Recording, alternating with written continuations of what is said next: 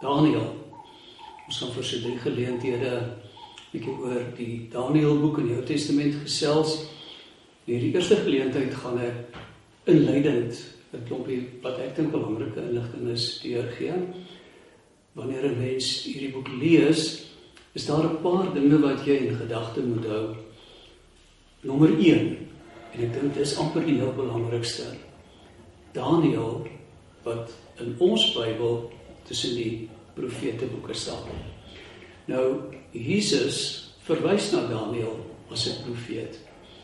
En ek dink op grond hiervan, maar ook die feit dat die Daniël boek in ons Bybel tussen 'n klomp ander profete, Jesaja en Jeremia, Jesegiel en dan die klein die 12 kleiner profete staan, veroorsaaklik meeste van ons aan hierdie boek dink as 'n profetiese boek.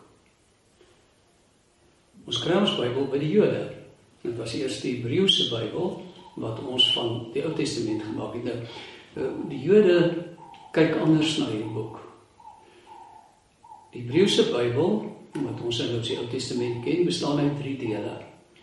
Die heel belangrikste deel is is die Torah, die onderwysing, so wat ons sê die wet van Moses. Dit is natuurlik die eerste 5 boeke. Genesis, Exodus, Levitikus, Numeri, Deuteronomium en hierdie vyf boeke um, het vir hulle die hoogste gesag gehad. So vind 'n mens dat die res van die Hebreëse Bybel maar net kommentaar op die Torah is. Trouwens in Jesus se dag het die Sadduseërs, een van die die godsdienstige partye wat ook by die tempel ingeskakel het, slegs boeke van Moses as gesaghebend beskou. En die die tweede deel van die Bybel is ons die profeteboeke, die Neviim. Jy sien nou verwag om Daniël hier te kry, maar hy is nie daar nie. Dit bestaan uit die uit die ehm um, boeke Josua, Rigters, Samuel as een boek en Konings as een boek. Dis dis vier rolle.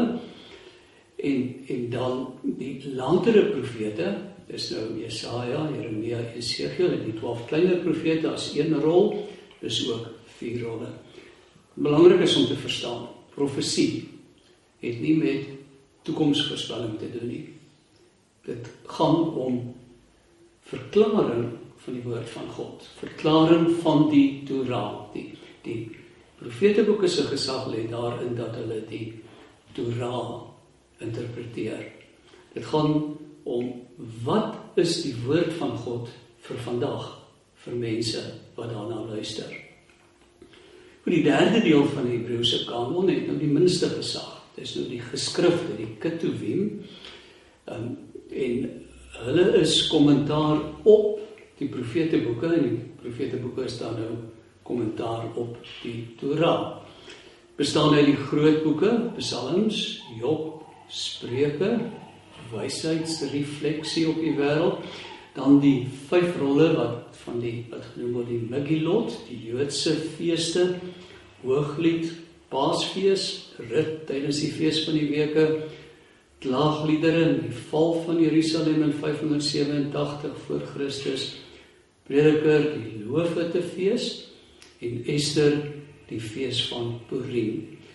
Dan nog 'n boek, Daniël, en dan 'n laaste geskiedenis stuk Esra Nehemia en Kronieke wat een boek is.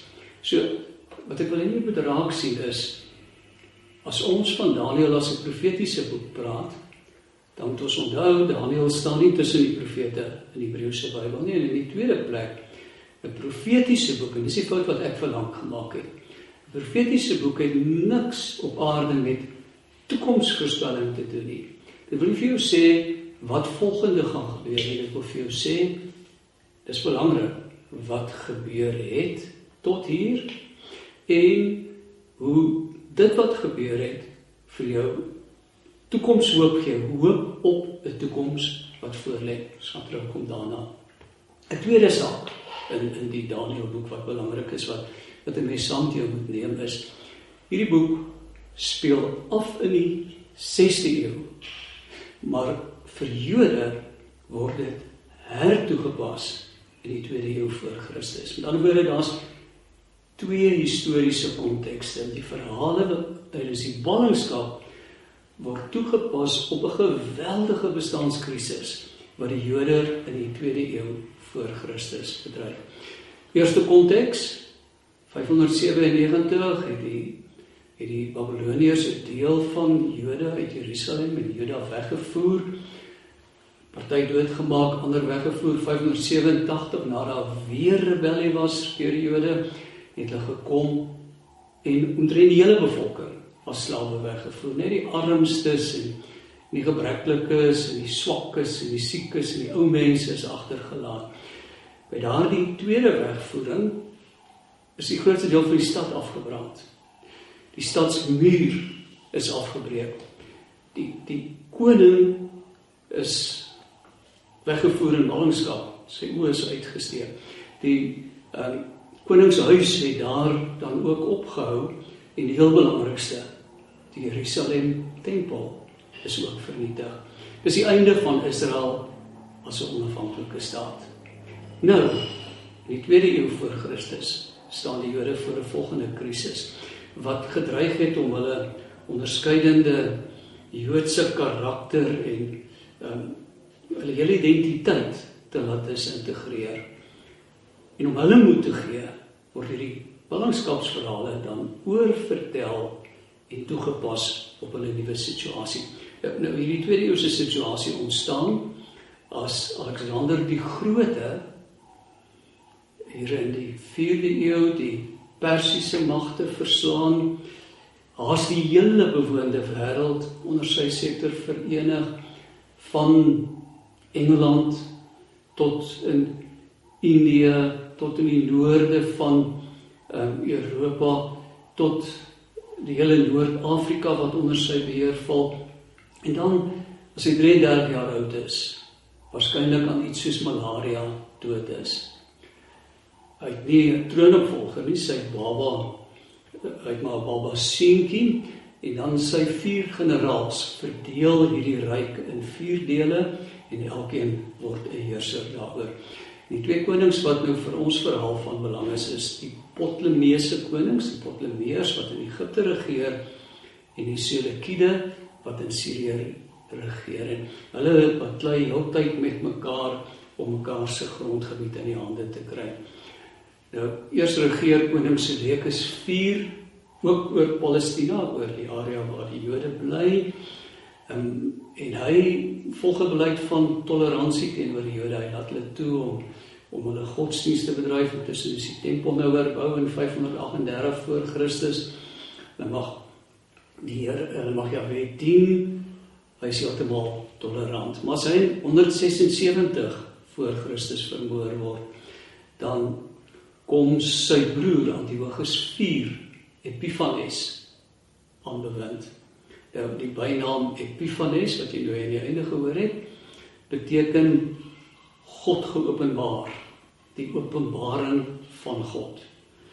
En en beskryf die idee dat Antiochus hierdie bynaam vir homself toeken dat hy dink dat hy 'n besondere openbaring van God is. Hy hy's die verskynsel van God.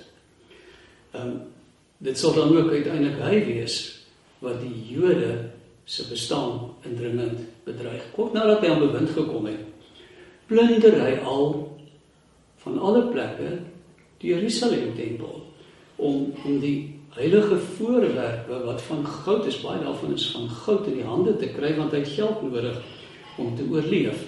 Ehm um, en jy kan nou dink dat die Jode baie baie kwaad was, baie ontsteld was daaroor. Hulle het die storie gehoor dat hy in 'n geveg wat hy in Egipte teen die Seleukide gaan voer het, sy lewe verloor het. Dan kom hulle in opstand en op pad terug, dan vergeld hy wat hulle gedoen het en hy vat 'n klomp 'n deel van die tempel toerusting saam met hom. Maar dit lei dan uiteindelik tot so erge onrus en opstand dat hy so 3 jaar later Jerusalem binneval op 'n Sabbat omdat hy baie goed weet dat Jode die Sabbat onderhou in opdrag van Moses se wet, hulle self nie verdedig nie en hy maak soveel as 40000 van hulle dood sonder dat enige van hulle hulle self verdedig. En die res groot klomp verder voer hy as slawe weg. Hy plunder die stad, hy breek 'n deel van die stadsmuur af en dan doen hy 'n onvergeeflike iets vir die Jode. Waar Dawid se tempel eers gestaan het reg langs die tempel. En Dawid se se se paleis gestaan het reg langs die tempel. Gaan bou hy 'n burg, 'n 'n vesting waar sy soldate kan bly en van daar af kan hulle nie net oor die tempel kyk nie, maar hulle kan oor die hele stad kyk en en toesig hou. En hy noem dit die Akra. En dit lei dan nou uiteindelik tot erge opstand en groot oppositie en hieruit vloei sy laaste vernietigende maatreëls. Hy skort die gereelde offers op. Jode mag geen offers aan Jahwe bring nie. Hy verbied hulle om die Sabbat te onderhou, om enige godsdienstige fees te hou. Ehm as hy vind dat hulle dit doen, dan offer hy hulle aan sy gode deur hulle op sy altare aan die brand te laat steek. Hy gee opdrag dat alle opdrag uh, alle kopieer van die heilige geskrifte, die Torah, die Hebreëse Bybel vernietig moet word. As jy met so 'n Bybel betrap sou word, as jy met die dood gestraf. Hy verbied ook die besydenis van kinders.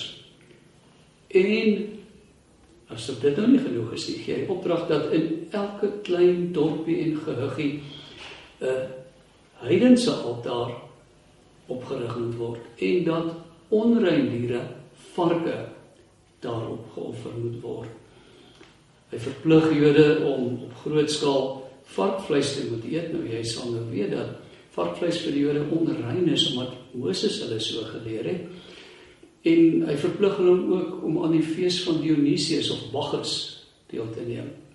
Hulle moet ook maandeliks ter viering van die koning se verjaarsdag offers in in Jerusalem tempel gaan bring en dit moet varke wees wat hulle offer.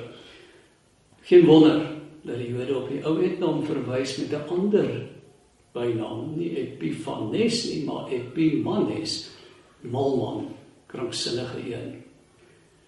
Nou in hierdie tyd gebeur dit dat die koning se amptenare en 'n klompie soldate in 'n klein dorpie met die naam Modain opdaag. Daar's 'n priester, Matthias, en die amptenaar beveel hom om 'n offer wat daar op die heidense altaar wat daar opgerig is te bring vir die heidense god. Nou, jy sal weet dat Israel nêrens altare in hulle land opgerig het nie behalwe by die tempel of voor dit by die tent van samekoms. Matthias staan dan op en nee, Matthias weier om dit te doen, maar 'n ander inwoner staan dan op en hy is bereid om dit te doen. Maar dan die volgende oomblik is Matthias op hom en met 'n versteekte swaard steek hy hom dood.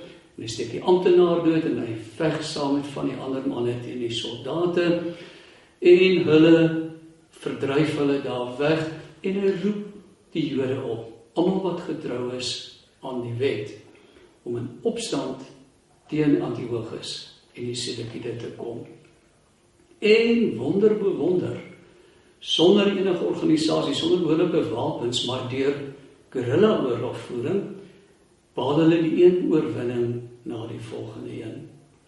En sover hulle gaan, reinig hulle die Joodse grondgebied, vernietig hulle die heidense altare, dwing hulle Joodse mammas om hulle kinders te besny, maak hulle selfs 'n tydelike reëling, hulle skort die Sabbatwet op en sê as ons op die Sabbat aangeval word ter wille van selfverdediging, dan baklei ons terug.